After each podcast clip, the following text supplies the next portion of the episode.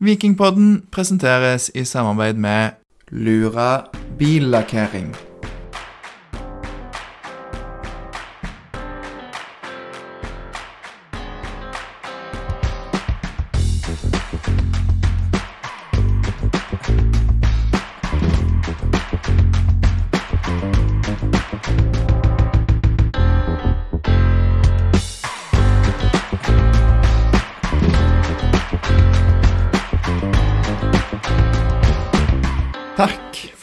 Har valgt å la oss finne veien i dine ører. Du hører nå på episode 208 av Vikingpodden. Og vi har en spennende episode foran oss med en mann som har masse kunnskap om viking, og ikke minst mange gode historier.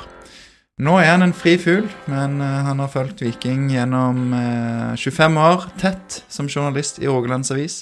Men nå, Espen Iversen, er det slutt. Ja, det er game over, eh, rett og slett. Eh, ganske trist, egentlig. Det har vært sånn eh, sorgprosess nesten de eh, siste to ukene etter vi skjønte at eh, det, var, det var slutt i, i æra. Eh, det har jo vært Det har vært livet mitt, egentlig, siden jeg var 19 år. Så det er spesielt. Jeg eh, er jo der at jeg ofte bruker briller, men så skulle jeg lese litt om bakgrunnen din, og da så jeg at du hadde jobba i Rogalands Avis siden 1988. Leste jeg. Tenkte jeg, Det var kult. Da fikk du med deg opprykk i 1988, men du er Ikke kanskje sant. ikke så Nei, jeg gammel. er ikke så gammel. Jeg prøvde 98. 98. Eh, det, jeg begynte å frilanse i 98, eh, når den fortsatt holdt til i, i Hillevåg. Eh, så eh, det var, det var fortsatt verden ikke helt digitalisert. Det var mørkerom ennå. Det, det, ja, det har skjedd mye. Vi er veldig glad for at du har tatt turen til oss. Og så er det jo kjekt at du nå, nå er du sikkert fri på alle kanter og kan komme med alt du ikke kunne med som journalist. Så det er jo bra for oss. Ingen bindinger. Det er bra. Før vi går videre og tar disse tre delene som vi har forberedt, jeg kan jo si hva de er. Vi skal snakke litt, eh, Espen, om, om hvem du er og hva er din bakgrunn. Så skal vi snakke en god del om Viking, og så skal vi til slutt ja, snakke om RA. Det skal vi jo sikkert hele tiden, men, men kanskje spesielt om at eh, det nå er slutt for eh, Rogalands Avis. Men før vi gjør det, så skal jeg bare nevne våre sponsorer. Vi er jo veldig glad for at eh, noen tar seg bryet med å sponse eh, Vikingpodden. Vi trenger, eller vi ønsker litt inntekt med òg, for vi har mye mer eh, kostnader enn inntekter, så vi setter veldig pris på det. Eh, det er to som er glad i Viking, som sponser denne og de 18 neste episodene av Viking, det, nei, av Vikingpodden, og det er Per Egil og Pål Erik Hagen, som driver lakkeringsselskaper, eh, henholdsvis Propaint og Lura billakkering.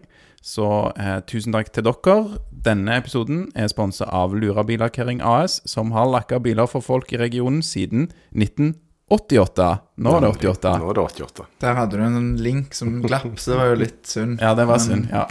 Um, ja. Lura billakkering de holder til i gamleveien på Lura, rett i overgangen til Forus der. Så hvis du har en bil som skal lakkeres, du som hører på, så kan du jo vurdere noen som er glad i Viking, nemlig Lura billakkering. Så tusen takk igjen til våre sponsorer.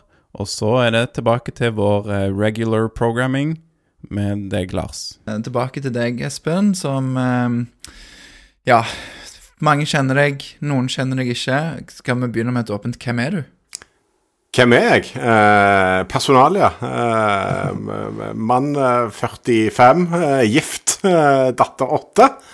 Eh, som sagt vært journalist i RA siden eh, 98. Spilte eh, noe halvdårlig fotball sjøl i lokalfotballen eh, back in the day. Eh, eh, ja, hva annet kan jeg si? Eh, Det er vel, du har det meste. Det viktigste, da, tenker jeg. Jeg leste jo når du slutta i Rogalands Avis, eh, Espen, at eh, du hadde én fraværsdag eh, fra RA, og det var når dattera di ble født. Så da ble jeg faktisk litt redd for at du hadde flere barn, men da hadde du bare valgt å gå på jobb. Eh, nei, bare én. Det, det, det, det ja. hun. Ja, ja, ja. Det var Eh, Så, så det var, det var gyldig så, altså, det, det var egentlig tvunget fravær, for du er jo nødt til å ta litt pappaperm. Så det er jo den eneste gangen jeg har vært vekke. Utenom, Jeg har jo tatt ferie, selvsagt, eh, som alle andre, men, men jeg har ikke noe sånn. Jeg hadde vært vekke, jeg hadde vært syk. Aldri noe sånn. Så Selv om jeg har vært syk, så har jeg alltid pilt meg på jobb. Og det har vel en sammenheng med at jeg har likt det jeg har holdt på med. Det er jo fint. Det er et godt utgangspunkt, tenker jeg. Du har fulgt Viking, men er, det, er du Viking-fan òg, eller er det Ja, ja, Bare selv, journalist. selvsagt. eh, Du, du er ikke Altså, jeg er jo født og oppvokst i Stavanger. Det er klart jeg holder med Viking, det, det sier seg jo sjøl. det tror jeg ikke er noe sånn stort hinder i forhold til jobben min. Eh, Noen vil sikkert måtte mene det, men eh, det har jeg aldri følt. Eh, Det, jeg har til og med spilt i Viking i, i ungdomsåra mine i noen sesonger, så jeg eh, Eh, far som har spilt i Viking. Eh, Barlaget til Viking til og med. Så jeg, jeg er på en måte oppvokst med klubben eh, på, på alle vis. Da har det vel sikkert vært litt ekstra kjekt å få jobbe, ha det som jobb og følge de så tett. Hvem er din far, da? Jeg, dette visste jeg ikke, Espen. Nei, nei, nei altså han, eh, han fikk en håndfull med A-kamper eh, på eh, altså 69-70, tror jeg han var, var vel inne i den A-stallen. Muligens året før det òg. Astor Iversen heter han. Ja. Så, så mitt fullnavn er jo Espen Astor Iversen. Det er jo det, Astor er dette familienavnet som går igjen da på, på eh, mannssiden i familien. Min farfar var òg Astor. Så, Ja. ja. Så det, hvis du googler han, så, så kommer det nok sikkert opp noen sånne eh, Tor, Kåre Torgrimsen-lagte statistikker eh, hvor han figurerer en eller annen plass eh, med noen kamper. Kult, da. Nå blir jeg jo litt eh, dårlig på, på historikken. men altså, Du hadde jo denne gullrekka på 70-tallet, men va- vant de cupen, eller noe sånn, eh, faren din? Nei, han har, han, jeg tror han står uten noe som helst, for han ga seg. han fikk ikke lov mer av uh, mor mi etter 70-sesongen. Det var ikke noe penger i fotballen, og så var det klar beskjed at nå får du finne på noe annet å bruke tida di på. Så det var jo et godt trekk, da. Eh, så begynte jo gullen å renne inn rett etterpå. Eh, men han spilte òg en kort periode i Strømsgodset, tror jeg, eh, i 71, når han studerte i, i Oslo. Så Eh, og så var det, så han jo vært trener i lokalfotballen her i mange herrens år, Bl.a. blant annet eh, Madla, eh, hvor han vel er æresmedlem, tror jeg. Så Ja. haug med opprykk med Madla i, opp gjennom årene. Så. Kult. Det står ja. tre sesonger, 69 til 71, eh, og 23 kamper totalt for Viking. Da, da, da vet du mer enn meg hva jeg greide å ta på direkten sjøl. Ja, dette er på Viking sine sider. Men apropos lokalfotball og Madla, vi har fått eh, lytterspørsmål fra Bigahino. Han lurer på om det har vært noen med mer presis pasningsfot på Madlebanen enn din. Eh, jeg spilte jo med, med Biggan eh, i Madla. Eh, svaret på det det er nok nei, men det var ingen som var treigere heller. Så da skal han få den. Ja, det er bra. Eh, han samme person lurer på om eh, Lurer på hva status på bordet med inngravert navn på en pub i Aberdeen er. Er det en historie her? eh, Så det, det, det, det handler kort og godt om, eh, om den eh, gamle Madla-keeperen eh, Jon Olav Bjerga. Eh, barndomskompis av meg som, som eh, studerte i Aberdeen. Eh, var så mye på pub at han fikk altså navnet sitt inngravert eh, på universitetspuben i Aberdeen eh, i, i bordet. Så der er det den stammer fra. Ok, Så det er ikke ditt navn, altså? Nei, nei, nei. nei. Det, jeg, har ikke, jeg har ikke noe med den. Jeg har ikke noe inngravert navn eh, der borte, jeg. Hvis du skulle hatt det, ville det da stått Eppa der? Eh, Godt mulig. Er det mange som kaller deg Eppa? Eppa er nok det vanlige kallenavnet. Ivers eller Eppa, litt omgående. Eh, Ja. Ja, Bigahino som sier at Eppa er en god mann, så det er jo Her får du jo gode skussmål. da. Setter pris på det. Eh, Og sender den i retur til, til Bigga. Um, Sander Grønnestad han lurer på, Espen, hva har vært din favorittdag som Viking-supporter? Oi, min favorittdag som Viking-supporter uh, Altså sånn rent som supporter Altså, jeg husker jo godt uh, seriegullet i, uh, i 91. Da sto jeg på, midt på store stå uh, når, de, uh, når de vel uh, tapte mot Lyn, mener jeg, i den kampen hvor de faktisk sikra seriegullet. Tom Fotstad mener jeg lagde fire av fire. Ja, det var vel ett Eh, poeng på fire det? kamper på Ja, slutten. det var, der, det var dårlig på slutten. Ja. Men, men eh, det var jo et godt minne, da. Sant? Jeg var jo en liten guttunge da. Det var jo helt spesielt å, å være der når de, når de vant, uh, vant seriegull. Og så er det jo en del eh, sant? Selv om du er journalist, så har du jo noen følelser rundt det. Det var jo uh, Chelsea-kampen var jo uh, en opplevelse å være på, selv om jeg eh, selv om jeg var på jobb og ble stående og prate med Gianfranco Zola etterpå. Uff, stakkar deg. Ja. Eh, Så, så, eh, men eh, det var mm, Det var en opplevelse. Kuppgullet sist. Altså, begge de to kuppgullene som jeg husker godt, var, var jo kjekke opplevelser. Så På jobb Ja. begge to, 2001 og 2019. Eh, ikke i 2001 var jeg på jobb. Da tror jeg jeg hadde frihelg, men jeg var der borte. Eh, så sånn sett så var jeg da jo mer som supporter. Men eh, jeg var definitivt på jobb når de vant, eh, vant i 2019. Mm. Så ja. Er det noen ganger du liksom skulle ønske at du ikke mm, hadde vært på jobb? Sånn når du da dekka Viking? Tja, jeg vet ikke helt. Jeg er jo, jeg er jo glad i å mene litt, da. Så, så hvis jeg blir uh, forarga over noe, så begynner jo denne kommentarpennen å klø litt. Da. Så, sånn sett så, så syns jeg det er en veldig grei kombinasjon. Da kan jeg jo både uh, nyte det som skjer, og mene noe om det. Så, så uh, nei, er ikke, det, er ikke, det er liksom ikke Jeg er ikke der. Nei. Du har heller um, vært litt oppgitt over at du kanskje ikke har vært på jobb når du eh, har vært fri? Ikke sant? Mer der. Jo, jo, det er spennende. Eh, vi skal jo komme litt tilbake til det som har skjedd i det siste med nedleggelsen av RA, og kanskje litt hva du skal gjøre eh, etterpå. Men vi tar ett innledende spørsmål om dette. For eh, Svege VG på Instagram han lurer på, Espen, skal du begynne hos Aftenbladet nå? Jeg, eh, jeg eh, tviler vel på at det er noen åpninger i, i Aftenbladet akkurat nå. Det er jo eh, egentlig ganske, ganske trangt i, i, hele, i hele bransjen. Eh, hvor de, eh, de fleste har vel nærmest ansettelsesstopp eh, i de fleste konsernene. Og Schibsted eh, har jo en del innsparinger, så jeg, jeg tror ikke det er noe eh, jeg tror ikke det er noen åpninger der akkurat, eh, akkurat nå. Så jeg, eh, jeg ser ikke for meg at det blir Aftenbladet. Men de kunne trengt det, syns du ikke? Litt slapt av og til fra Aftenbladet. Jeg burde jo definitivt vært der sånn sett, da. Ja. Eh, Men, eh, men eh, de er flinke, de senere òg. Ja, det er bra.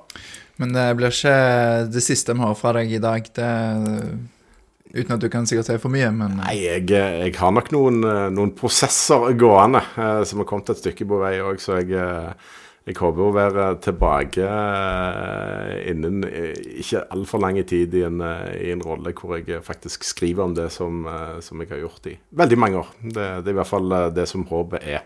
Ja. Og da vil du ikke, eller kan ikke si noe mer? Kan ikke si så mye, for det er litt sånn konkret, eh, men ikke i mål. Så, så, uh, Så når mikrofonene går av, da sier du det? Kanskje, kanskje vi kan slippe litt da. Men eh, hadde vi spilt inn uh, denne her om uh, ei uke, så tror jeg kanskje gjerne jeg kunne sagt litt mer. Men mm. vi får se. Ja. Mm. det blir spennende. Jeg tror det er mange som gleder seg til mer fra deg. For i hvert fall for min egen del så har jeg satt stor pris på dine kommentarer og analyser av Viking, så det, det er alltid, alltid kjekt. Hyggelig å høre. Og med det så sporer vi kanskje litt inn på Viking, og så er det rom for å fyre løs med det ene eller det andre som dukker opp eh, hos deg eh, underveis. Eh, så um, ja, vi går inn i del to, som handler om Viking, der du har dekka Viking som journalist siden 98, og her er det jo mange gode historier som eh, som du sikkert kan komme med, og kanskje vi kommer inn på det i noen spørsmål. Vi kan jo begynne med eh, Twitter-brukeren Gamle Vikinger, som spør hvilke tidligere vikingspillere var best å lage artikler om, med tanke på å få flest lesere? Hvem som var best i forhold til flest lesere? Ah, si det. Eh, altså, den, den mest, tror jeg, nesten solgte eh, utgaven av, uh, av Rogalands Avis i løssalg eh, gjennom eh, i hvert fall moderne historie. Den inkluderer jo eh, Peter Ije. Eh, så eh, dette var jo etter han hadde Altså dagen etter han hadde redda eh, Viking nærmest egenhendig. Hvor han sto, han sto jo nærmest og meldte dagen før at eh, Bare slapp helt av, jeg ordner dette han, eh, i morgen. Eh, det var liksom EJ. Og gjør jo det òg, da. Han, jeg, jeg, tror- nesten han meldte fire mål på forhånd, han. Eh, gikk han ut og gjorde det. Men da husker jeg vi kledde han opp i noe sånn Vi tok han med på teateret dagen etterpå og kledde han opp i noe sånn rustning og sverd og vikinggreier og dro han ned med på torget. Eh, og det, det, var jo, det var jo noen dager det ble solgt eh, enormt med, med aviser i løssalg. Etter kampen, den mandagen etter kampen, så tror jeg han som var markedssjef i avisen den gangen, kjørte ut på trykkeriet for å hente eh, makulate, altså det som, som var for dårlig til å selges, for alt var rippa vekk, og bare få de hullene. hyllene. Folk betalte for de òg. Så det var, det, var, det var jo tilbake i den tiden hvor det var en del løssalg, men den var Det, det, det gikk hett, så sånn sett så var jo eh, jo IJ meldte jo alltid noe, så, så eh, jo da, han var nok han var der oppe, han, altså. Det, ja. Men, men er det da sånn at ehm, Så aviser har jo ofte noe sånn eh, pliktstoff som er veldig seriøst, som ingen bryr seg om. Og så er nok Viking noe av det som, som selger. Men, men du, er du inne og sjekker liksom på traction, da? Liksom, Ja, ja, vi, vi, har, vi har hatt uh, Vi har stort sett hatt god kontroll på, på hva, som, uh, hva som er veldig salgbart, og hva som kanskje ikke selger like mye. Og så det, har det jo vært sånn som vi har operert de siste årene, så har jo en del stoff gått åpent, mens en, det meste av vikingstoffet minus kommentarer har jo vært uh, abonnementsstoff. Uh, men i så, altså, Viking har jo vært klart, klart mest salgbart i forhold til abonnement uh, over tid. Det, det er liksom ikke noe nytt gjerda. Så, så eh, Viking har vært, eh, har vært godt stoff. Alltid. Folk er interessert i det. Hva er det som em, ikke selger i tillegg til kjedelige uavgjortkamper, sånn vikingmessig? Altså, eh, saker som ikke er godt vinkla, eh, de vil ikke selge. Du må ha en inngang på noe. Du kan godt selge og gjøre noe bra på, på New uavgjort kamp òg. Eh, hvis du f.eks. Uh, sitter på en eller annen informasjon om at eh, David Brekalo eh, er på vei ut, og det foreligger et bud, så har det ingenting å si om det ble eh, 0-0 mot Odd. Den selger godt dagen etterpå likevel, den. Så Ja. det handler litt om hva, eh, hva forarbeid du gjør i forhold til vinklinger, ikke så mye om kampen alltid. Ja, hva du trekker ut av og linker til Det kampen. er det. Ja. Opplever du at det har vært eh, disse sakene der det har liksom vært enten negative vinklinger eller storm som selger best, kontra de lykkelige suksesshistoriene? Det er litt sånn eh, Det varierer litt. altså Det er klart Kontroverser i seg sjøl er jo veldig salgbart. Det sier seg jo sjøl. Sånn, det, det vet alle som har vært gjennom media. Men, det, men så er det jo òg andre ting. altså Jeg tror den, den mest eh, Den som solgte mest eh, abonnement i fjor i, i Rogalands Avis av alle saker, eh, det var jo når Harald Nilsen Tangen valgte å åpne opp om problemene han hadde hatt på hjemmebane, og farens sykdom og det greiene der. Så, så det trenger ikke nødvendigvis å være kontroverser. Det kan være en god human touch-variant òg, hvor noen faktisk byr litt på seg sjøl på en litt annen måte. Det var en litt sånn viktig sak òg, følte jeg, å få ut. For jeg, m, det, det var jo noe mange av oss visste om. Men det å faktisk få han til å snakke om det, og være så åpen, eh, det syns jeg var veldig kjekt at han gjorde eh, hos oss eh, og hos meg. da. Det var jo, Jeg tror, jeg tror han kom godt ut av det òg, Harald. Jeg tror det var, Folk skjønte litt mer. Hva, hva er det som ligger bak her? Mm. hvorfor, hvorfor kommer ikke den stabiliteten? Eh, og de er jo ikke roboter, selv om de er altså, Fotballspillere er jo mennesker, de òg. Så jeg, en sånn sak som det. Veldig salgbart, det òg. Kan jeg bare spørre deg, gikk, Var det sånn at du liksom gikk på han fordi du visste om det, eller kom det fram når du gjorde, holdt på å si, gjorde en annen vinkling, eller Nei, det var Jeg hadde en tanke om, om at på et eller annet tidspunkt skulle jeg spørre han om det var noe han uh, kunne tenke seg å, å snakke om. Og så var jeg òg der at jeg hadde respektert det veldig hvis han ikke ville. Dette er jo mer sånn privat anliggende, men, men han var veldig åpen for, for det. Uh, så eh, så var det jo Dette var jo veldig tett på. Eh, faren døde jo ganske kort etter eh, han gjorde det intervjuet. Er det sånn, vet du, disse sakene som den refererer til nå, fins de ennå der ute på nett, eller er det sine Rogalandsaviser nære? Nei, jeg, jeg tror nok de, de fins. De, de har ikke stengt ned, eh, tror jeg, det som ligger eh, i det, i, jeg håper å si det gamle arkivet deres. Det tror jeg eksisterer inne på Dagsavisen ennå. Jeg eh, har jo registrert at de ligger og oppdaterer med litt sånn NTB-saker fra Stavanger og sånn mm. der inne. Eh, og Så da kan vi bare oppfordre alle til å tegne abonnement på Dagsavisen. Ja, så sant? får de gode eh, saker fra Stavanger. Jeg var faktisk inne og sa, for det syns jeg var sånn frekkhet at de bare fortsatte abonnementet mitt på Dagsavisen. Så nå er akkurat ute av, uh, utenfor abonnementet, så jeg kan ikke lese den saken om tror det, jeg tror det, tror det er mange som har gjort det. Uh, min far han var, han var fryktelig opptatt de siste dagene når jeg jobbet i RA, at jeg måtte, måtte mase litt på redaktøren, for han ville ha igjen pengene når det ikke ble RA mer. For hans avtale var med RA, det var ikke med Dagsavisen. Han var ganske aggressiv Hadde han signa opp for et år, eller noe sånt? Ja. Ja, men jeg sa oh, ja. vi kan ikke gjøre noe med det. Men, jeg, men, men Dagsavisen betalte han faktisk ut, så da var han godt fornøyd. Ja, det er bra. Det kan jeg eh, forstå. Mange som ikke er så fornøyde med den eh, varianten der. Eh, Men eh, de har vel sett på det rene i Dagsavisen, da. Ja, men vi var jo heller ikke veldig fornøyd med å bli nedlagt, for å legge til det. Ja, det, det kan jeg forstå. Så er det vel også sånn at hvis du venter lenge nok, så går eh, Rogalands Avis rett på Nasjonalbiblioteket eller noe sånt, mener jeg. Ja, men du finner det òg Det er noe som heter Retriever, eh, hvor alt eh, som nærmest har blitt utgitt, utgitt i, i Presse-Norge eh, fryktelig lang tid bakover, både nettsaker og, og papirartikler eh, kopieres og legges inn. Eh, det er jo ikke noe som hvermannsen har tilgang på, men vi har jo det. Så tror jeg hun Birgitte du Tause-Birgitte fra Casino. Mm. Eh, back in the, i, i dette Halvard Flatland-verdenen. Hun, hun har sittet som tror jeg, direktør der. I Retriever. Eh, ja, ja. Fun fact. Ok, Ja, ja. ja. Em, ja, jeg skal ikke jeg si hva jeg eh, jobber med, men vi bruker Retriever ganske mye. Da får vi sånne varsler da, hvis det er interessante saker. Og Jeg har ikke lov å skru på sånn vikingvarsler akkurat der, men ja, sånn er det. Det er en eh, eh, Kontroll har de i hvert fall på norske aviser. Det har de. Eh, ja. Vi kan ta et um, lytterspørsmål fra Knut Husdal, um, som går på noe litt annet. Han lurer på hva mangler i Viking? Eh, og da vil han ha både litt om organisatorisk og spillere.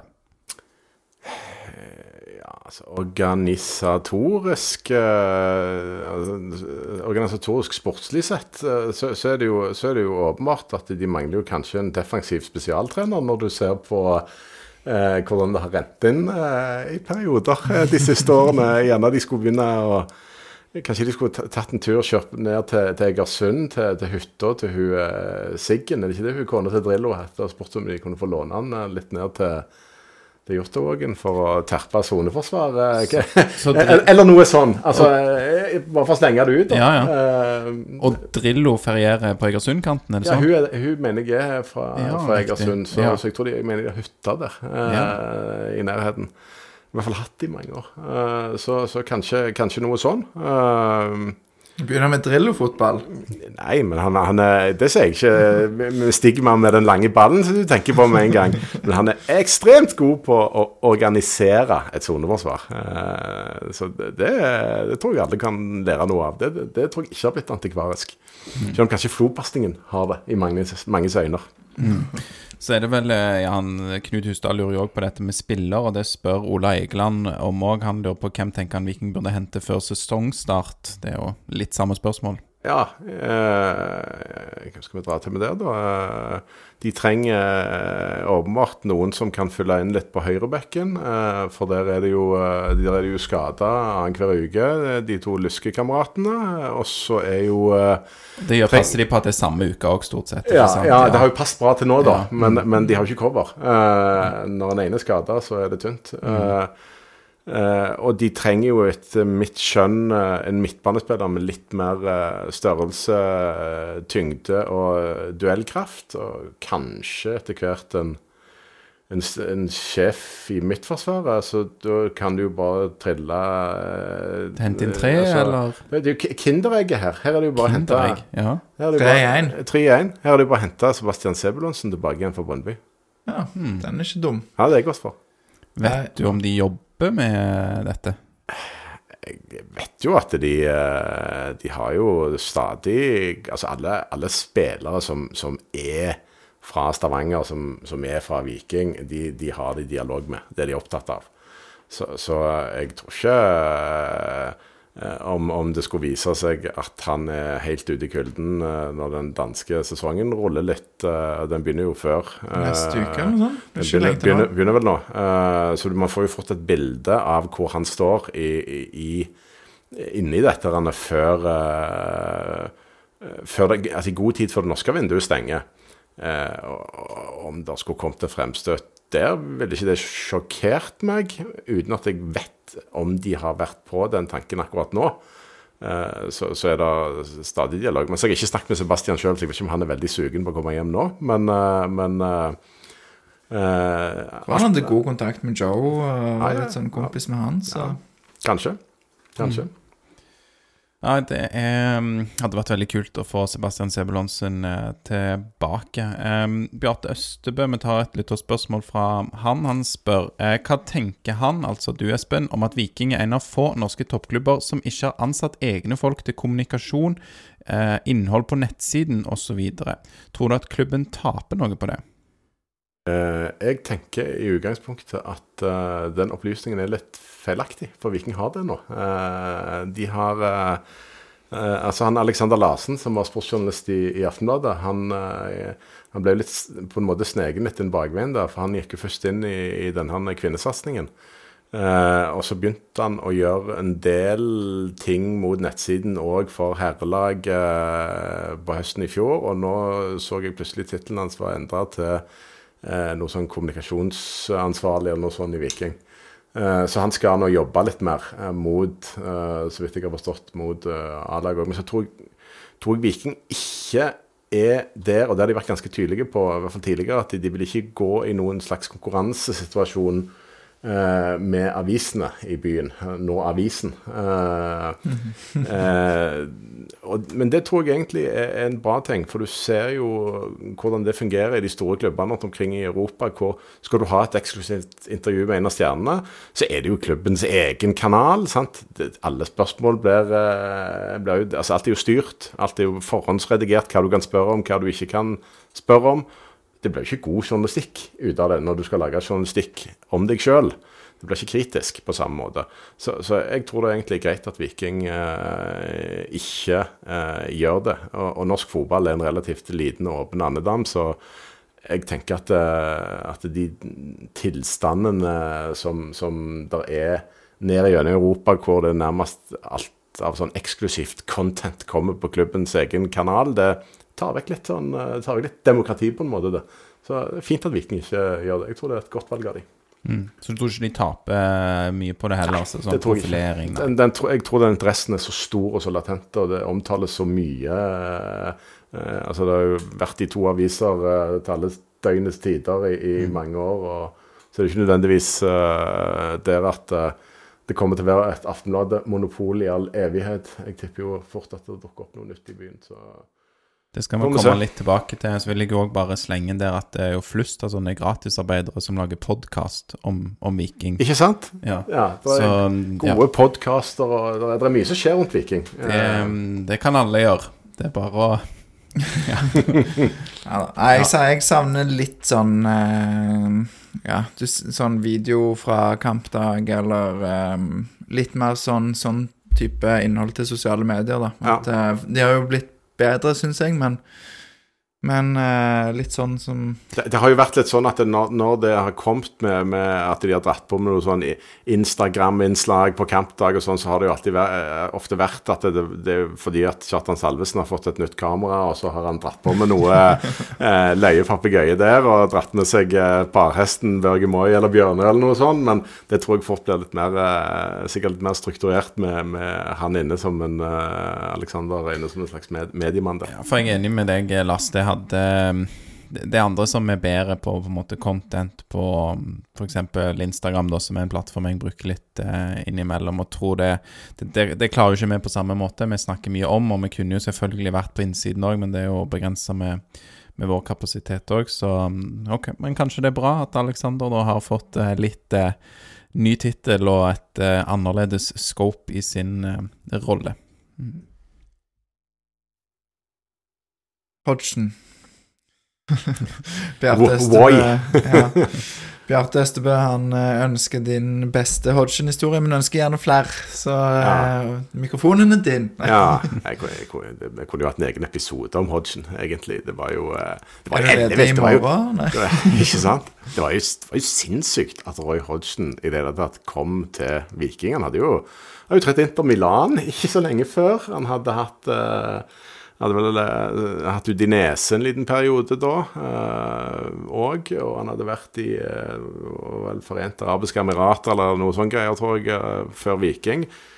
Det var jo en eh, gjedde i en gullfiskbolle i, eh, i Stavanger. Men den Altså, gode historier. Det er mange av de, men, men den første, første Ja.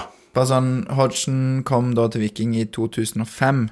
To, Eh, 2004, fire. Sommeren 2004, etter Kjell Inge Olsen eh, hadde, Han ga seg jo han etter 4-1-tap mot Tromsø i første serierunde. Ga seg umiddelbart. Så hadde Bjarne Berntsen en liten periode.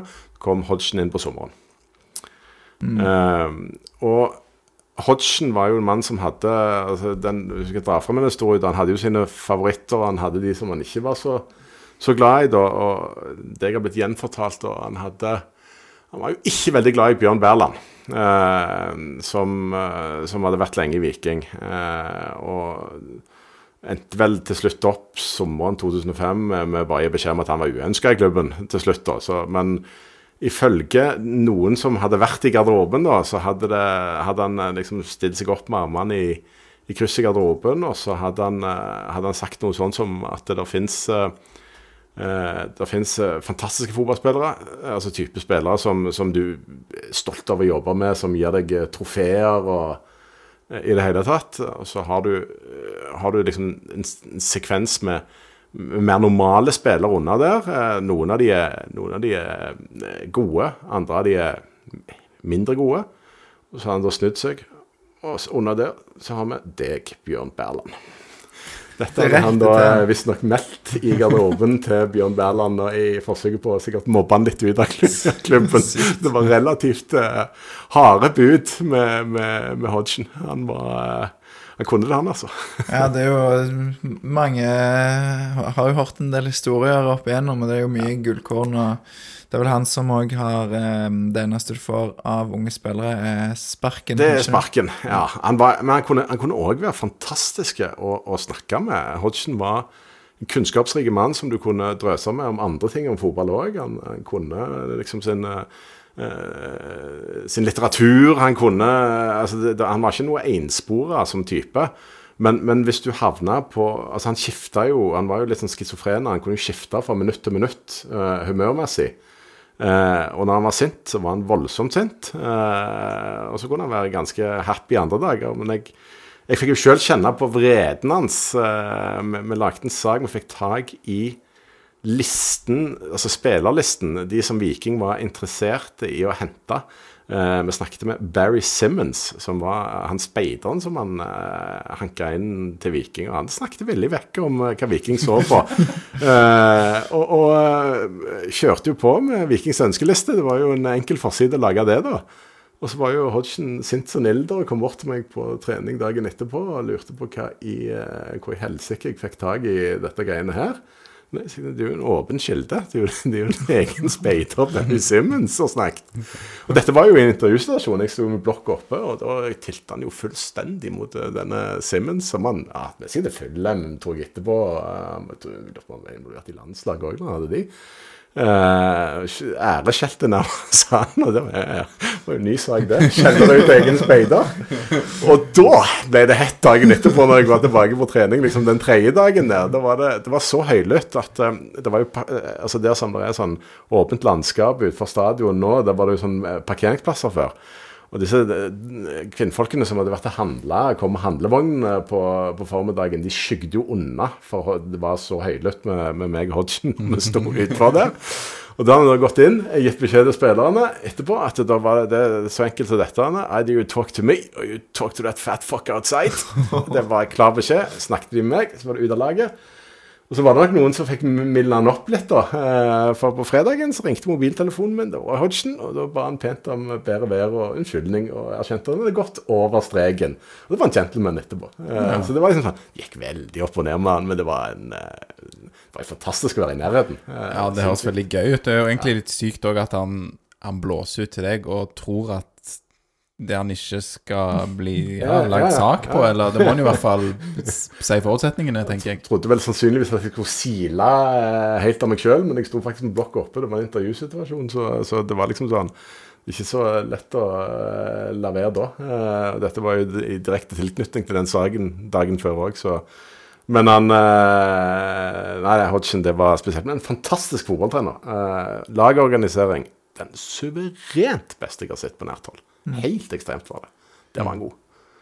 Ja, For du fikk følge treningene tett? Ja da. ja, ja, ja. Hodgson uh, hadde skjønt at uh, det var Norge han var i, og han hadde jo gode forutsetninger. Han hadde jo vært trener i, i både Sverige og Danmark før han kom til Viking. Han hadde jo mange år i Sverige, han snakker jo flytende svensk. Ja. Så, så, det var liksom ikke uh, Eller svensken snakker vel syv språk, tror jeg, flytende. Han er ganske språkmektig. Uh, så, så, det var åpne treninger. Det var ikke, det var, var ikke noe problem, det. Han, mm. uh, det var verre med Røsler. Han stengte de oftere, han. ja. ja, faktisk. Kan gå videre på Røsler etterpå, bare. Men husker det var vel Thomas Bereira når han var hos oss og fortalte at han hadde vel delt hele bonusen sin med, med støtteapparat eller et eller annet eh, før han reiste. Så når det kvaller til Europa eller noe sånt, så han eh, Det var Hodgson som hadde delt med alle støtteapparatet. Med fare for at jeg husker feil. Mm. Så, Ja, jeg tror det kan sikkert stemme, det. Ehm, men uh, Røsler, ja, han kom jo i Nå er jeg redd for å si feil igjen, men han kom jo etter at uh, Viking redda plassen i 2006, og kom inn før 2007-sesongen. Det stemmer godt, for det var vel eh, først uh, Tom Prahl eh, som ble nesten håndplukket av Hodgson. Som du ikke helt visste om han var våken eller om han sov. Eh, Tunge øyelokk. Ja. tunge øyelokk på Tom Prahl, og, og det ble litt kultursjokk for han, tror jeg faktisk. Eh, For det er litt forskjeller på norsk og, og, og svensk fotball. For han kom jo eh, egentlig til oss da, og lurte på om han eh, ikke kunne få, få lese eh, sakene våre før vi hadde de på trykk. For det var nærmest vanlig i Sverige da. Jo, men greit det, ga mer beskjed. Men hvis vi får eh, se og, og kontrollere lagoppstillingene dine før kamp, så, kan vi, så er det greit, da. Men eh, da skjønte han poenget. Det. Ja, nei, men det var, det var Pal, og så var det Nordli som redda Viking, og så kom uh, Der Ove inn etter det. Mhm. Bare kjapt, Pral virka veldig traust og kjedelig på, for meg. Var han det òg, eller? Eh? Han var ikke noe fyrverkeri, eh, men han var en hyggelig mann. Men eh, det var ikke det var ikke Roy Hodgson-nivå på noen som helst måte. Nei da, så ja, Nordli og så Røsler der. Og har du noe gull på, på Røsler, da? Røsler var jo, det var jo Sånn sett så var det jo litt likt, da. Eh, eh, det var jo opp eh, som en, eh, som en bjørn den ene dagen og ned den andre. Sant? Han var veldig skiftende i, i humøret, han òg. Eh, og så var det jo altså, Men, men det, det, altså, det funka aldri helt, tror jeg, med, med uh, den litt uh, altså, sånn litt sånn småparanoide tyske tankegangen hans. Den, den fungerte ikke helt i Stavanger. Det ble noen gnisninger, i hvert fall i forhold til media, på, på den biten der. Eh, Han trodde jo at vi alltid var ute etter han, eh, noe vi ikke var. Eh, Men til slutt så ble det jo så mye at vi nærmest ble ute etter han. Altså Men, sånn eh, ut til han som at han skulle få sparken. ja, ja, ja, ja. Det var, men det var, det var veldig mye sånn det var, det var litt paranoia som lå bak oss han, eh, den gangen. Og så kan du sikkert forstå det òg når du vet hva bakgrunnen han har, hvor han kommer fra i verden og alt dette her. Eh, så Kommer fra Øst-Tyskland. Øst-Tyskland. Ja. Ja. Så det, han har jo sikkert grunn til det. eh, Til å ha noen sånne tanker av og til. Han tok eh, bronse med Viking, han, og så var det noen magre år, og så kom Åge vel etterpå. Så kom Åge. Eh, det var jo eh, Det var jo en litt spesiell setning. Åge Haide virka jo litt Litt mette, litt sånn ferdige mentalt, nesten, når han var etter hvert i Viking. Og det var jo jeg husker det var jo høyst spesielt da når han etter et helt liv som fotballtrener, hvor han liksom forfekta soneforsvaret og 4-3-3, og plutselig så står han og diskuterer bacalao-oppskrifter og drikker kaffe med journalister, mens det er en eller annen spanjol som uh, holder på å lære disse spillerne mannsmarkering istedenfor. Uh, da var det jo noen øyne som sperra litt opp etter hvert, så eh, det ble jo dessverre en parentes med, med Hareide. Det er jo omtrent eneste plassen han ikke har hatt suksess. Det er vel eh, Ja, som jeg har pleid å si, det er jo bare landslaget og eh, vikingene ikke har hatt suksess. Men heldigvis har han vel slengt på Rosenborg òg nå. Ja, det kan man vel gjerne si på tampen. Men han var jo ikke langt unna å lykkes med landslaget. Eh, altså, Hvis du ser vel på, på eh, tallene hans, så de er jo langt bedre enn f.eks. Høgmo. Eh, de er jo ikke så langt unna eh, vel, tror jeg, disse Drillo-tallene. Det var vel eh, Var ikke det noe Tyrkia og noe tabber fra Thomas Myhre og noe greier da som ødela litt for han? Eh, Kjenning. ja, ja. Marginer. eh, det er klart, det. det Han, han var vel happy når han kom til, til Viking, der Thomas Myhre Og dukket opp. Ja, for det var vel Han kom vel inn den vinteren når Thomas Myhre forsvant ut, var det ikke sånn? Ja. Det er sikkert òg en historie. Det er noen historier rundt, uh, rundt det, uh, som gjerne skal ligge i dette foret. Bare for våre yngre lyttere så kan vi jo si at det var litt ulykkelige omstendigheter når Thomas Myhre måtte forsvinne fra klubben. Det kan vi vel sette to streker under. Det var noe eh, anklager om noe som hadde skjedd på en bytur og forskjellig. Og, Ja. ja. Mm.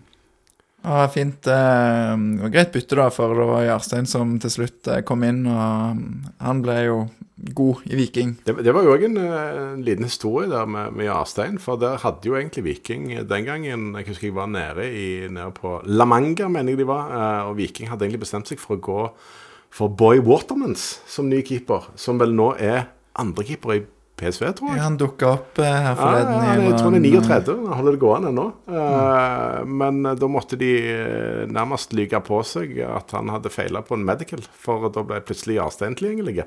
Så der eh, skal vi, skal, vi, skal vi by på en liten. eh, Ja, de er litt, rett og slett litt sleipe. ja, det de, der var de litt sleipe, for det var han de ville ha, egentlig. Og, og eh, Det var jo stygt gjort mot han Boy Waterman, så han trodde jo han hadde funnet seg en ny klubb, og at det var Don Deal nærmest. Så, så ble det tatt en liten spansk, eh, og så inn med Jarstein. Uff da. Ja. Dirty business. Ja. Fotball. Kan jo fortsette kanskje på det med overganger og ta spørsmål her fra Rino Haugen.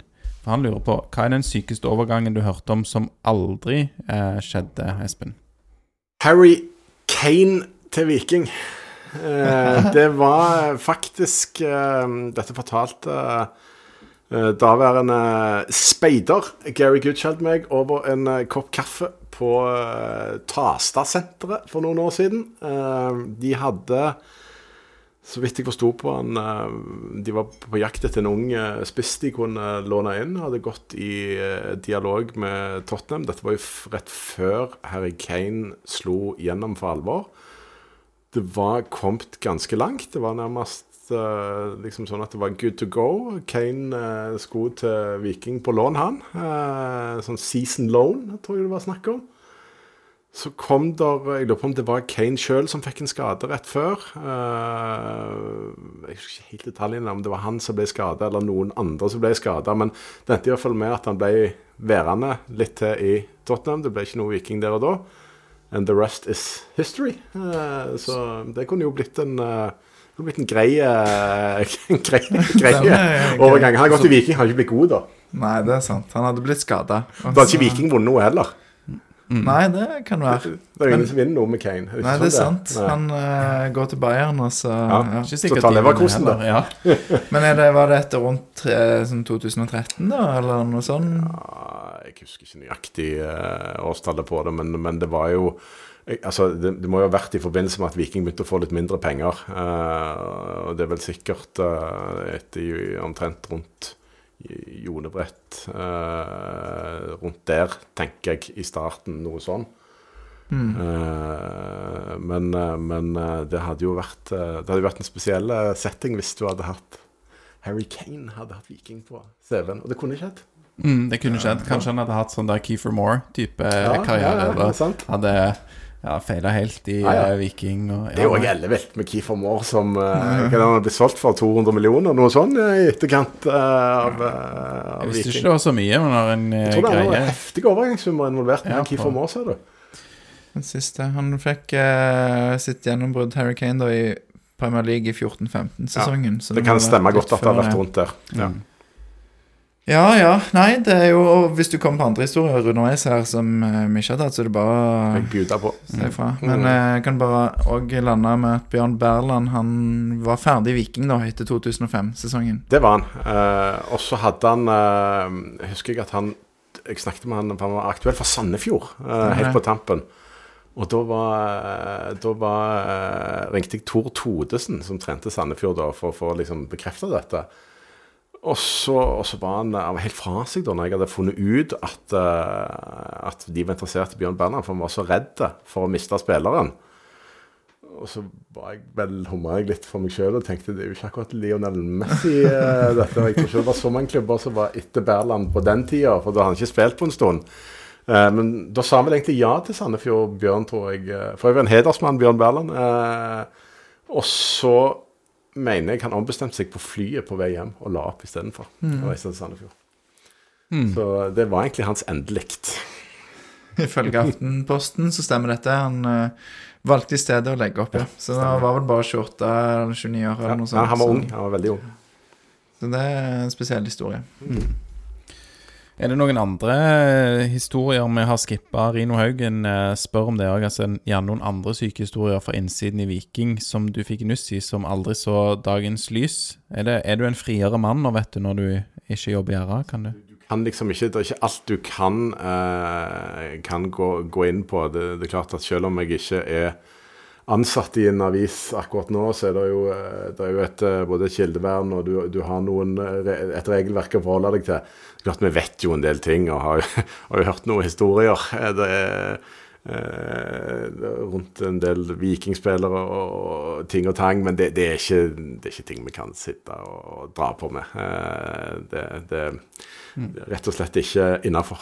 Kan du bare si det til lytterne da, som et tips? Eh, altså, Du må bare fortelle ting til oss, for det er ikke noe Vær varsom-plakat og sånn hvis du driver podkast. Så, så får vi vite historier, så, så kan vi i hvert fall Ta det omveien, da. Ja. Det er jo, ja, for det, er jo, det går en del vandrehistorier, og en del som noen spillere forteller. Jeg eh, syns jo alltid det er gøy med Razak Pimpong, som var en karakter eh, i Viking. Eh, litt sånn obskure greier. Men er det disse lederne som har vært, da, det er jo Østenstad i, i flere år som kanskje den som for oss i hvert fall litt sånn der eh, si, myteomspunnen type. Um, hvordan var det å jobbe med han, eller med? Jeg likte godt Jeg likte godt Egil. Og jeg syns han har fått ufortjent mye refs uh, i etterkant. Ettermælet hans har blitt litt sånn uh, Bruker et kort engelsk ord tarnished. Uh, for det er så mange som peker på pengebruken i den Østenstad-tiden. Men så glemmer folk. Det er lett å glemme hvordan det egentlig var. For Viking hadde jo en del penger den gangen. De betalte jo faktisk ut utbytte ganske kjapt etter at stadion var, var bygd til aksjonærene. De hadde solide plusser. og, og det var jo et styre som satt bak her og sa kjør, kjør, kjør. Det var jo ikke noe Egil Løstenstad fant på sjøl, at det skulle, uh, skulle bombes inn med, med, spillere til høye overgangssummer. Det var jo noen heftige Martin Fillo til 13 millioner, hva det var. og Tidenes sign-on til Thomas Myhre. Det, det, var jo noe sånn uh, det var noen eh, heftige årganger, men, men, det som han skal ha kred for, det var jo det faktum at det var jo egentlig Østenstad som virkelig tok tak i det med eh, akademiet eh, til Viking, og så verdien i det. Så for meg er jo det litt eh, legacy for han, da. At han eh, Litt underkommunisert? Ja, litt underkommunisert. Og det er jo Vikings akademi er jo vel det eneste i, i Norge som har eh, PT fem stjerner. Det vil rankes som det beste. Eh, så, så, og det har jo kommet opp en hel del veldig gode fotballspillere fra det de siste årene, selv om ikke alle er Viking mer. Så, så jeg tenker det er en, det er en verdi i det òg. Uh, selv om uh, man kanskje bomma en del på, på en del spillerkjøp. det har jeg jo ment mye om opp gjennom årene, da, men jeg tenker jo at det var litt litt vel mye navn og litt for lite spillestil noen ganger i de årene der. Det er jo enklere for de som følger etter Egil Østens dag, da, når han har grunnlagt et såpass godt akademi, så har du det alternativet. Da. Du har alltid det. Det, det, er en slags I fotballens verden så er det Jeg syns han sa det på en grei måte, den godeste Bertelsen, eh, styrelederen eh, for litt siden når jeg snakket med han, det, det er det som er forsikringspolisen vår. Mm. Og det tror jeg er litt viktig å ha i mente. At uh, Kommer de dårlige tidene, så kan du faktisk stable et lag på beina som kan greie å holde seg i Eliteserien mye med, basert på at du flytter opp en del akademispillere. Så jeg tror det er, det er smart å tenke sånn. Mm. Du har jo sett mye og, og, kan mye om fotball, i hvert fall så vidt vi klarer å se, så kan du mye. Eh, hvem, hva spillere har liksom bare at ikke han har, eh, har slått til. Hvem har du hatt mest troen på som aldri ble i det helt store? Oi. Den var, den var vanskelig, egentlig. Klart, jeg, etter å ha sett eh, de, de første ukene med Hvem nevnte jeg akkurat Martin Fillo så tenkte jeg med meg sjøl at OK, dette er litt a different league. Eh, han, han, var klasse, men så skjedde jo det som ofte skjedde i Viking. Den gangen så De, de skifta vel eh, Han var var jo, en klassisk tier når Viking henta han. Eh, så gikk det vel en måned eller to så fant vel uh, røsleren ut at eh, nei, vi bytter formasjon. Eh, så mannen du akkurat hadde brukt 13 millioner på, han eh, måtte da spille i en rolle han eh, egentlig ikke var så komfortabel i. Da ble det jo aldri så bra som det kanskje kunne blitt hvis den ble reindyrka. Så ja. Høres eh, kjent ut. Var vel eh, god før han kom til Viking, og så var det sånn Hva skal vi si da, Martin Fillo? Det var jo et OK bidrag, men Absolutt. De fikk mye penger igjen for han òg til slutt. For Ja. det var da vel noe, noe sånne insentiver som, eh, eh, som ble tilbakebetalt. Jeg tror de, de fikk en del av det. Ikke lønnskronene, men en del av overgangssummen fikk de i retur. Men han hadde jo en lang karriere. Han spilte vel for et Brentford? Jo, jo, men jeg, jeg mener han spilte på toppnivå i uh, Tsjekkia. Jeg sjekket for eh, et års tid siden. To år siden, noe sånt. og mener jeg han var i sving ennå. Jiskra Domaclice. Å ja, det er det. Nemlig. Ja. Um, så jeg er litt usikker de, om det Han holder det gående ennå. Han må jo være 40 nå. Ja, nei, jeg er født i 86. 38 nærmer seg, ja. Ja, han nærmer seg. Han var i Viking da fra 2008 til 2010 der, så det var vel det tre sesonger, det. Så Men han gikk jo tilbake til det Victoria Pilsen, Ja. og det var vel ikke det helt store når han. De fikk, jo- Viking fikk jo en del penger der òg, for de kvalifiserte seg til Europa noen år. Så da ble det, husker jeg det var stadig saker i Ja, ja, det kom noen insentiver der. Du, En annen spiller, hvis vi skal dra frem noe, da, som uh, en mann som, uh, som var uh, Som jeg òg syns var enormt god når han kom opp, det var jo Trygve Aase Lunde, hvis jeg kan huske han. Junioren Det var han som fikk den der skyllebøtta av Hodgson, var det Ja, ikke? jeg vil ikke skyllebøtte, men han var vel fornøyd. For når Hodgson tok han opp på første treningen, eh, så mener jeg han var godt fornøyd med at han ikke mer var den feiteste på vikingtrening. Og det kommuniserte han jo òg til Trygve Aase Lunde. Og han hadde tenkt å starte første serierunde. Da hadde han Trygve Aase Lunde tegnet inn i kartet på lagoppstillingen. Eh, og så mener jeg det var noe snakk om at han ikke kunne spille for han hadde fått fotsopp. Og da kom det ei skyllebøtte for Roy Hodgson til meg. Holdt på å le meg i hjel. Foot fungus! Fucking foot fungus! Han sto og herja hytta den der. Han hadde hatt fotsopp mange ganger sjøl. Det var ingen god grunn til ikke å spille fotball. Men det sa han vel sjøl òg, Hodgson, i etterkant, at han var eh, det var et av, de, eh, et av de større talentene han hadde sett. Det ble jo aldri noe stort ut av han da, men jeg snakket med Hodgson sånn fem-seks år etter han hadde forsvunnet fra Viking, når han var altså, nærmest Premier League-tida hans. Eh, Sånn litt tilfeldig. Eh, Og da, noe av det første han spurte meg om, da, det var eh, hvordan, hva som skjedde med Trygve Aas Lunde. ja, Det var han litt sånn interessert i med en gang, da, for han kunne blitt jævlig god. Okay. Så det var proper footballer. Han likte han. Og han var, han var god òg, men, det- men der sklei det jo ut. Men kan man spille fotball med fotsopp? Kan man ikke det? Hodgson Hodge, kunne i hvert fall det, ifølge seg sjøl. jeg tror ikke jeg har hatt så mye fotsopp, men jeg trodde nå det, eh, det litt Jeg vet ikke. jeg, Ja. Nei, jeg, kan, jeg, jeg har ikke hatt det, så jeg kan heller ikke si om Hvis jeg det er noen eh, medisinsk kyndige som lytter til denne podkasten, så må de gjerne spille inn det. Det går an å gi en tilbakemelding på Spotify rett på episoden, så kan du bare skrive der. Ja, skriv det der, for det nå lurer jeg veldig. Men ja, han, han gikk vel til var i Godset og Bodø-Glimt og litt sånn, tror jeg, og Åse Lunde. Og så Ja. endte han ikke opp i, eh, ganske kjapt i uh, husker ikke men endte vel med noen kamper for SIF etter hvert, tror jeg. Men han fikk Hundvåg var vel Han, inne. han er ikke så mye eldre enn eh, Martin Fillo, så han kunne jo holdt det gående Han har jo spilt ennå. ja, Men men at- eller noe. Ja. Han får den der det- Jeg tipper jo det, det er han, En av de første treningene så får han høre at han er feitere enn treneren, så jeg vet ikke helt, liksom Ikke helt oppbyggende alltid, Nei. men det var vel litt uh, sånn uh, Hodgson eh, kalte jo en spade for en spade, han. han kjørte på. Du bare, Fillo, du så, som, som journalist jeg vet ikke, Var du der når Bertelsen takla han og skada han og sånn? Eh, nei, jeg tror ikke jeg var på den treningen. Men det skjer jo Det skjer jo ting, sant? Og ja, skriver du alt du ser? Ja, sånne skradeting, og hvis to begynner å slåss på en trening, sånne ting, ja. Det, det er ikke noe å altså, Vi lever i en konkurransesituasjon, eh, eller har gjort. eh, Med en annen avis som står det på alt. Du kan ikke, du kan ikke ruge på sånne ting. Smeller det på en trening, en blir skada hvis en Brekken for, for, Altså, det- skjer det noe eh, Hvis Mavne Yang slår ned noen i garderoben, eh, og du finner ut av det, så skriver du det. Stemmer, Eh, Du gjør det. ja Ja, det var mye styr rundt han òg, husker jeg. Der tror jeg jeg har fått falskt minne om en straffe som han stjal fra Jone Samuelsen, men det kan jeg blande med at han Gjerne det ligger bak det, for det var vel Samuelsen han dekka, var det ikke det? I garderoben, så vidt jeg husker. Stemmer det. Men, men, nok om, eh, nok om det. Jeg vet ikke om vi har mer uh, i denne bolken, eller om vi skal bevege oss litt videre. Vi kan ta det, ja uh, Hva skal jeg si uh, Siste årene med RA og mm, slutt på RA. Ja, vi kan jo ta det som ble på en måte sikkert spikeren i kista. Dag Idar Jøsang ber oss eller si at noen må adressere den svære elefanten i rommet.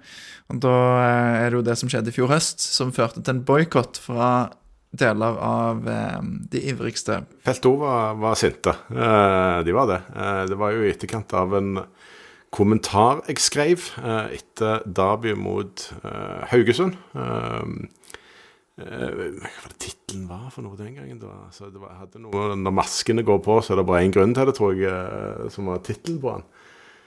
Men, men det jeg kan si om den saken der, det, det som ikke mange vet, er at jeg jeg var jo egentlig klar for, for å gå i litt polemikk med dem når det begynte å koke på, eh, på nettet, men eh, jeg hadde noen ganske kraftige restriksjoner på meg sjøl på at jeg ikke fikk lov av avisledelsen. Der fikk du ikke snakke. Så det var egentlig litt der at eh, rådet derfra, eller rådet kall det veldig sterkt vekta råd, var at eh, det er kanskje ikke så smart å gjøre det.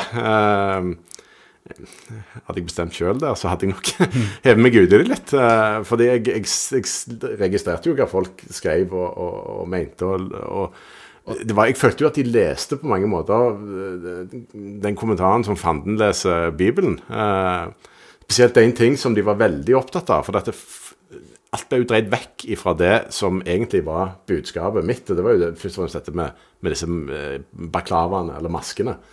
Eh, og så var det vel en setning eh, hvor jeg skrev at eh, altså det, Jeg omtalte litt den stigmaen som ofte har vært rundt fotballsupportere. Altså, og skrev at mange av disse har eh, faktisk bedre eh, jobber og livssituasjoner enn mange kanskje tror. Eh, litt som på forklaringen hvorfor at de faktisk ville dra på seg en baklava. For å ikke vise hvem de var. Med, med, med bluss og greier. Eh, Og eh, det mente jeg faktisk, akkurat sånn jeg skrev det. Men det ble jo tolka stikk motsatt. Som om de var en gjeng eh, arbeidsstedige kriminelle, nærmest. Og det, ble kjørt på eh, i alle kanaler. Jeg fikk det jo med meg, selv om jeg holdt meg unna å svare. Eh, og, og meningen var faktisk eh, på en måte å, å forklare, for det er jo folk som var eh, fungerende rektorer på skoler her. altså Svært eh, oppegående folk i høye stillinger, salgstopper. Eh, Så jeg hadde aldri noen eh, intensjon om, om å trø de potetene, sånn som de sjøl uh, tok det, da. Uh, så, så, men så kan de jo uh, Men angrer du på at du skrev det sånn, eller Nei, egentlig ikke. eh, For det var skrevet i beste mening. Eh, Og det, jeg, jeg mener jeg står jo fortsatt inne for, for mye av det som, eh, som ble sagt, men det var bare så synd at det aldri ble en, en debatt ut av det. Og, og, Ja, så for det ble litt sånn Ja, siden ja, du holdt deg unna, og ingen tok det. Ja. og det, men sånn er det jo òg ofte. Det, det er jo svakheten med, med sosiale medier, med, med, med et format som, som X og sånn. sant? Altså, det er jo, jeg har det selv, Hvis jeg hadde havna i, i, i en polemikk med si Davy Vatne på X, den diskusjonen taper du allikevel, fordi at han har 50 000 følgere. sant? Og når du får en hel sånn supportergruppering som, som står der, så du er sjanseløse uansett. Men jeg lever ganske godt med, med både være litt provokatør og krangle litt. Det har jo vært litt jobben min i, i alle år, så, så jeg, jeg, jeg tåler litt. Men, men, men det er klart at dette ble jo en veldig spesiell situasjon når jeg, når jeg fikk litt restriksjoner på meg. Jeg kunne ikke på en måte gå ut og, og Ta tak i eh, det. Og ta tak i det, eh, og prøve å forklare litt mer nøye hva, du- hva jeg mente. I denne kommentaren så er det jo ikke det det handler om, hva de jobber med, de som står der. Det er jo mest dette med, med masker. Og så var det, ja. var det i denne kommentaren der du òg beskrev litt de forskjellige grupperingene. Nei, Nei, eh, nå, var en bland, annen. nå blander du. Det var, det var mer den saken som gikk på uh, den der si, hooligan-grupperingen, eh, den litt større Og, og det, det har jo fjula de, eh, det skjønte jo jeg òg. Mange av de var jo sikkert sinte eh, etter den saken der. Eh, og det er jo òg viktig for meg å presisere at jeg, jeg, jeg jeg heier jo egentlig på Felt O. Jeg syns det som har skjedd eh, i forhold til den followingen til Viking, er helt fantastiske. Eh, men så, så er jeg jo òg der at jeg, jeg er veldig sånn vare for at man skal eh, være litt bevisste på, på at det, altså, når, du, når noe vokser fort, så kan det komme noe ukulturer. ut av det. Eh, og, og det kan ikke være ekstremt sjokkerende for, for en del av de i felt O at en sportsleder i, i en avis med et sosial, eh, altså en avis som har et sosialdemokratisk eh, grunnprinsipp, har eh, forfekter nulltoleranse til vold. Og så registrerer jeg at veldig mange kommer på en måte med, med en slags forklaring på at ja, men det var slåssing på fotball siden tidenes morgen. Dette, dette er ikke, det, det, er ikke noe nytt. Det var enda mer før. Ja, men er det rett for det? Mm. Er, det er det OK allikevel? Og det òg presiserte jeg jo i den kommentaren ganske tydelig, at, at um, det der med, med hettene, da, som, som, var en greie Og det er jo de som blir redde når disse hettene går på. Det må de faktisk ta inn over seg. Uh, uh, altså Punkt én, det er jo faktisk ikke lov å gå med, med baklava. Det er heller ikke lov med de bengalske lysene. Så er jo begge deler et sånn sovende regelverk. Sant? For man har en avtale uh, innenfor norsk fotball hvor man kan ha på altså man, man, får lov å bruke disse bengalske lysene vel ved innmarsj, og første mål tror jeg avtalen på det mm. var. Det er blussing, da. Blussingen, altså bengalske mm. lysene. Uh, og, og uh, Viking har vel selv hatt nærmest nulltoleranse med, med, med finlandshettene. Men så skrev jeg jo i den kommentaren at det, altså hør, hvor mye galskap og hvor mye farlige situasjoner har det egentlig vært med de bengalske lysene. Altså Bør man gjerne se litt på og, og, faktisk tillate det, så slipper folk å stå med, med, de maskene på seg hvis det er litt sånn eh, Jeg skjønner jo det kan være stigmatiserende sant? Altså, rundt det. Ja, Så du tenker at det, data, For meg kunne de legalisert det. Ja, altså, dataene tilsier kanskje at det går stort sett greit? Liksom, ja, men de gjør jo det. Hvor, hvor, mange alvorlige hendelser har det vært med det? Det var vel en jakke til en guttunge som tok fyr på, på Brann stadion. Det er jo ikke, jeg har hele veien sagt det, at jeg eh, egentlig så er jeg eh, relativt åpen for det. Mm. Nei, jeg, eh, jeg, vet ikke. Jeg tenker det er jo bare viktig. Bra, godt kunnskapsgrunnlag, det er jo fint. Ja. Det er alltid fint. Ja. Men, men til den kommentaren for å komme tilbake igjen, da. Mange av de tror ikke jeg leste den.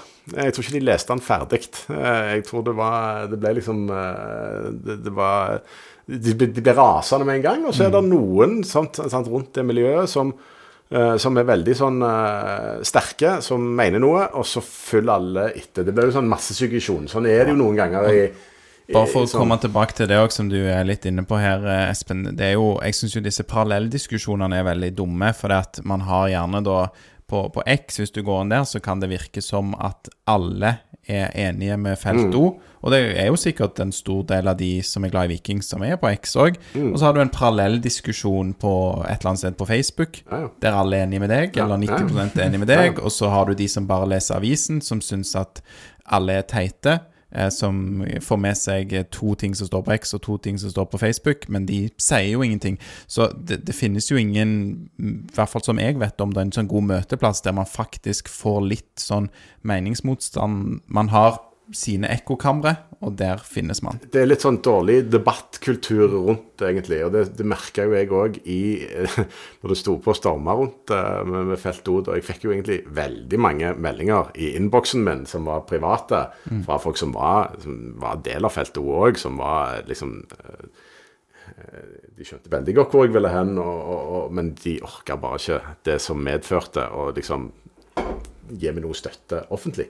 Uh, og det, det, skjønner jeg på en måte. Altså, det, det, er ikke noe enkelt å stå opp når det er hundrevis på hundrevis som, er, som er, legger liksom, nivået på debatten der de, der de gjør. Og så, og så tror jeg òg det at altså, det er klart Fotballsupportere har tatt stadig større plass de siste årene. Altså, har, har skapt seg òg en mer formelle makt. Altså, man, man, har meldt seg inn i, i Viking, eh, har stemmerett på årsmøtet eh, har blitt en, del, en, viktig del av kulturen rundt klubben.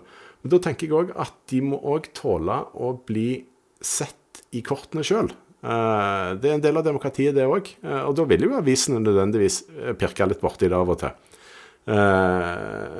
Selv om det som er, er, er bra. Og, det, er klart, det har vært veldig få tilfeller rundt Viking med, med, med, bråk. Det har vært noen, det har ikke vært mye fullstendig klar over det. Men, men det er ikke nødvendigvis uh, riktig allikevel. Uh, og man kan følge litt med det. Mm. Så, så det var egentlig det, det som lå bak den, eh, den kommentaren. Så, det er nå har jeg fått sagt min side av den. ja. Så det er viktig å tåle disse ytringene. Det gjelder jo alle, selvfølgelig, at man er åpen for eh, forskjellige synspunkter og lar disse komme til, til orde, tenker jeg. Så lenge man ikke går over streken. Så du er ikke mot felt O? Overhodet ikke. Jeg heier på felt 2. Jeg syns det er dødskult eh, sånn som det har vært de siste årene. Mye kjekkere å være på stadion når det er trøkk i felt 2. Men litt kjedelig da ble det jo nå, for siden dette var kroken på døra for Rogalandsvis. Du stupte det. abonnementstallene. Jeg kan vel eh, avsløre så mye som om at det var nok ikke felt 2 alene som, eh, som felte Rogalands Avis. Det var det handler nok eh, litt mer om, eh, om de jækla østlendingene og noen sånne corporate decisions i Oslo, det greiene der. Men jeg lurer jo på om ikke disse ledelsen i Dagsavisen står i ledtog med Felt O. det kan være. Det er min Jeg tror de har gått sammen. Nå, nå er vi litt sånn Tucker Carlsen-nivå her. Ja, men eh, eh. Kanskje en annen, eh, en annen podkast, men eh, ja. Det er, nok, det er nok åpenbart den ja. slutningen jeg trekker absolutt. der. Ja. Men er det Kan jeg bare ta Siden vi er litt på det sporet, så Gabriel Økland Rettalla kan lure på hvor lang tid det tar før A-media starter opp en konkurrent. For det høres ut som det er kanskje da grunnlag for å ha to aviser i en så stor by som Stavanger. Og Bergen, der er det jo to aviser som er veldig gode på fotball òg. Og Det, det, Ja. det er definitivt grunnlag for å ha to aviser i, i Stavanger. Det, det, det er jo det er bra for demokratiet eh, med to eh, aviser i Stavanger. Altså Én ting er Viking, men, men det er en del saker som, som eh, altså Jeg ser jo sånn som Vi, vi har jo vært lillebror i, i, alltid i Stavanger eh, alle de årene jeg har vært der. Det, det, det er en sånn underdog-greie. men Weissnu-saken, f.eks. Viktige sånn uh, sak uh, i byen. Det, det var jo noe som uh, sant? Lille, Lillebror tok det opp, ikke storebror. Det var noe alle visste om, men som kom. Så, så, sånne ting så det, det, det er viktig å ha konkurranse. Og det, det, det ser du jo i Aftenbladet-gjengen òg. Det er noe av det første de, de sa det når, eh, når, når vi ble nedlagt nå, eh, var jo det at det, det er trist og det er dumt om vi liker konkurransen.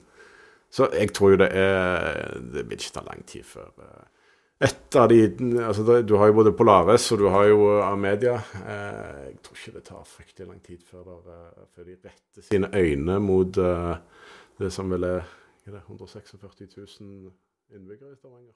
Det er et stort marked. Jeg tror det kommer. Det, det gjør det nok, og det Ja, du var inne på Bergen, altså. Trondheim, Oslo. Alle, alle har Alle eh, to. Er det to i Kristiansand òg? Ja. Så mm, langt mindre grunnlag for å selge aviser og med Stavanger og, og Sandnes og de andre kommunene her. Det bor masse folk, så det, det heier i hvert fall jeg òg på. Mm. Skal vi ta eh, noen litt eh, lettere spørsmål her? For vi har fått inn et spørsmål av en lytter. Han heter Pål Karstensen. Han lurer på hvem er den beste medarbeideren du har hatt i RA-sporten de siste seks til syv årene? Spørsmålstegn semikolon eh, høyre parentes. Ja. Eh, Pål Karstensen var, var jo min kollega i mange år i Rogalands Avis. Han fisker jo åpenbart etter at svaret skal være Pål Carstensen. Men hvis bare Pål Carstensen hadde vært på jobb og ikke var på sånne klubbmøter med klubbledere i Rogalands Avis Han var jo nesten ikke på jobb. Som Så, ja, fagforeningsmann. fagforeningsmann. Og det er han jo nå òg. Han er jo klubbleder i, i Dagsavisen, så ingen har jo sett han på jobb noen gang i løpet av disse syv årene. Så, så det, det, det er vanskelig å Jobba jobbe litt mer, så hadde dere solgt mer aviser og sånn. Ja, Ja. godt mulig. Ja. Egentlig så kan vi gjerne peke litt på han der. Det, ja. Hvorfor det gikk og alt. Nei, nei, det var kommer det fram. Men han var, men han var mye på klubbmøter. Han er, han er en eh, ivrig klubbmann. Så er det da Kristoffer Knutsen som er svaret på det spørsmålet. Det må jo være det, da. Ja. Utvilsomt. Stakkar Pål. Nå får han det. Ja. Men uh, Pål lurer òg på om, om du kan utdype litt om den første episoden av uh, Rogalands Avis sin satsing, er det kanskje? Fotballsnakkes. Eh, Den første episoden, det var um, Jeg hadde jo eh, null og niks eh, TV-erfaring. Vi hadde jo ikke peiling på dette, men fant ut at vi skulle prøve å, å trø på med eh, sånn nett-TV-satsing. Eh, og da var det meg og uh, Torbjørn Svendsen eh, som satte oss ned. eh, inne på kontoret og bare trykte eh, nærmest play på iPhonen den første gangen. Og det ble vel omtrent så amatørmessig som å få det Jeg er sånn pinlig berørt når noen sender meg linken til den første episoden uh, fortsatt. Det var, det var ille, altså. Ja. Men, men, så tror jeg eh, oppturen var desto større når da Frode Olsen, som jobbet hos oss den gangen, uh, bare liksom Nei, det, det, hør. jeg, jeg orket han ikke. Da måtte han bare involvere seg. Og Frode hadde jo masse TV 2-erfaring. Så da og, Altså, det, de gikk veldig fort fra å være helt amatør til egentlig å bli en ganske kul eh, produksjon. Og jeg tror, jeg tror, vi var oppe i de mest sette episodene. Uh, lukta vel nesten på 10 000 uh, seere. Så det, det, var, det, var, et par sånne uh, Eh, veldig godt sette eh, episoder det. Og det var jo det var jækla kjekt òg å sitte og, og, lage TV med, med Frode Olsen, som er, som er, god på dette. Og som er jo et fyrverkeri av en mann, da. Eh, sånn sett. Han melder jo litt, han. Så det ble ganske bra. Men jeg husker det var dere sto på et tak, og så hadde dere noen reportasjer fra Ja, ja, ja. Vi, hadde, vi brukte Vi hadde jo Vi holdt jo til i Klubbgata. Vi hadde jo noen fantastiske kontorer med utsikt over uh, Breiavannet. Sportskontoret var jo med sånn panorama ut mot Breiavannet og en liten terrasse. Eh, så lagde vi jo bare det til studio. Eh, vi tok det opp ute. Men det ga jo òg noen utfordringer. For vi hadde jo eh, noen sånne måker som eh, holdt på å legge egg eh, på taket over oss. Og de var ikke så fornøyde med at jeg satt der, og, de var i hvert fall ikke fornøyde med den litt blanke issen til, til Frode Olsen. da, så de eh, Det var jo eh, en episode Jeg tror, jeg tror det, vi lagde en sånn blooper en gang med det, men da, da var det midt under hekketida, og da, da gikk det et angrep. Så satt vi liksom og snakket i studio, og så kom måkene ned og stupte ned og prøvde å ta oss. Det var, ja, ja, det var, det var. Hvor lenge holdt dere på med det? Fotballsang tror jeg gikk i fem år, nesten. Ja, kult. å komme. hvor ofte lagde dere? Vi hadde masse episoder av det, ja. uh, egentlig. Det var, det var en sånn, nesten en sånn ukentlig uh, hendelse i, uh, i, løpet av sesongen at vi gjorde det.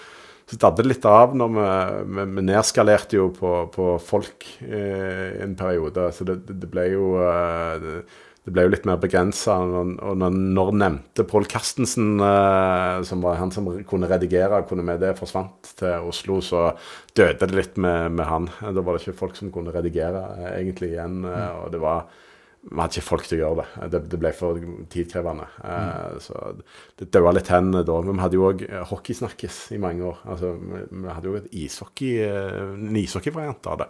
Og det holdt dere på med inn, helt inn i det siste, mener jeg? Ja, men det ble et litt annet konsept. Uh, jeg hadde det sammen med Glenn Aasland i mange år. Uh, og litt uh, Ruben Smith var litt med noen ganger. Og, men det, det, døde hen, og så starta jo Kristoffer Knutsen opp litt mer Han hadde vel både, både en podkast og han hadde en TV-greie. Pucksnakk ja, eh, på slutten. Okay. Så, så det, var, det, var, det, var, en satsing de siste årene der på, på hockeyen. Mm. Uh, han er litt mer teknisk kompetent enn meg, så jeg tror han fikk det til litt mer på egen hånd. Hva vil du si står igjen da, som høydepunkt uh, fra tida som journalist i Rogalands Avis? Oi, oi, oi, oi, oi. Der er det mange, mange høydepunkter, egentlig. Mange kjekke opplevelser. Liksom alltid fra en av mine store barndomshelter, det var, det var jo Ian Rush. Uh, og han var i Stavanger i uh, uh, forbindelse med denne Legends-kampen. og da var det jo det var liksom litt spesielt å få, måte få intervjue og få truffet barndomshelten sin. Uh, så det var, det var, en opplevelse, men, er jo masse, masse, masse kjekke opplevelser. For en journalist er det jo ofte de liksom, litt sånn tunge sakene eh, som eh,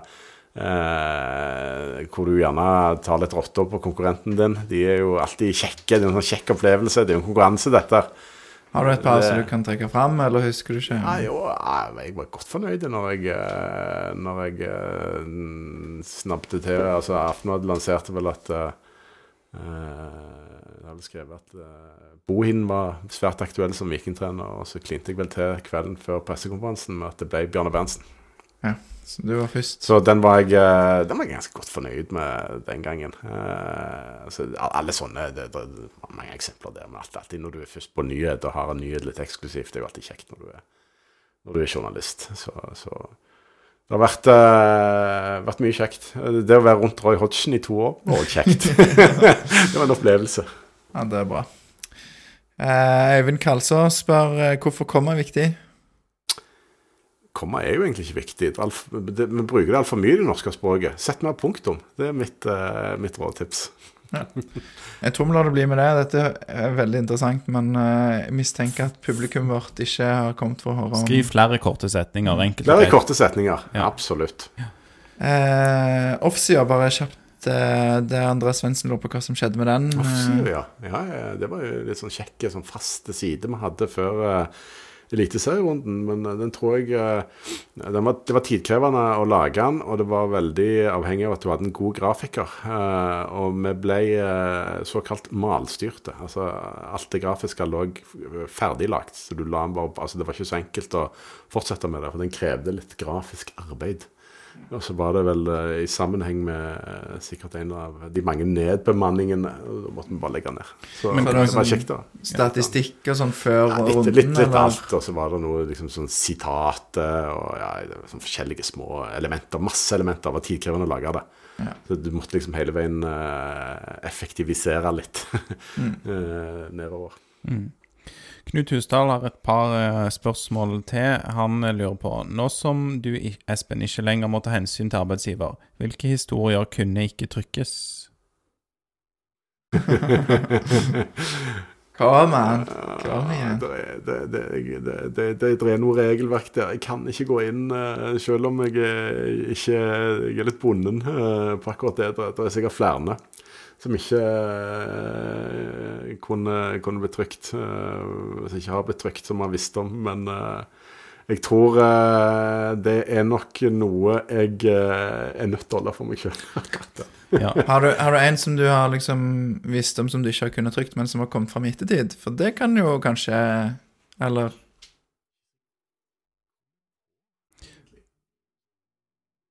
Du får, du får dele i hvert fall når eh, den foreldelsestiden går ut, Ja, og når ja. man kan oute alle ting. Må du Det, det, det er først den dagen du fyller eh, 67, er det ikke det? Ja, da- Da kan det komme. Da kan du komme og Det er i boken. Memoarene. Jeg har allerede booka deg. Det er godt. Jeg kommer. Knut Hustad lurer jo på beste og verste intervjuobjekt.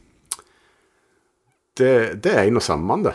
Eh, for eh, noe av det mest takknemlige du kunne intervjue, det var Roy Hodgson.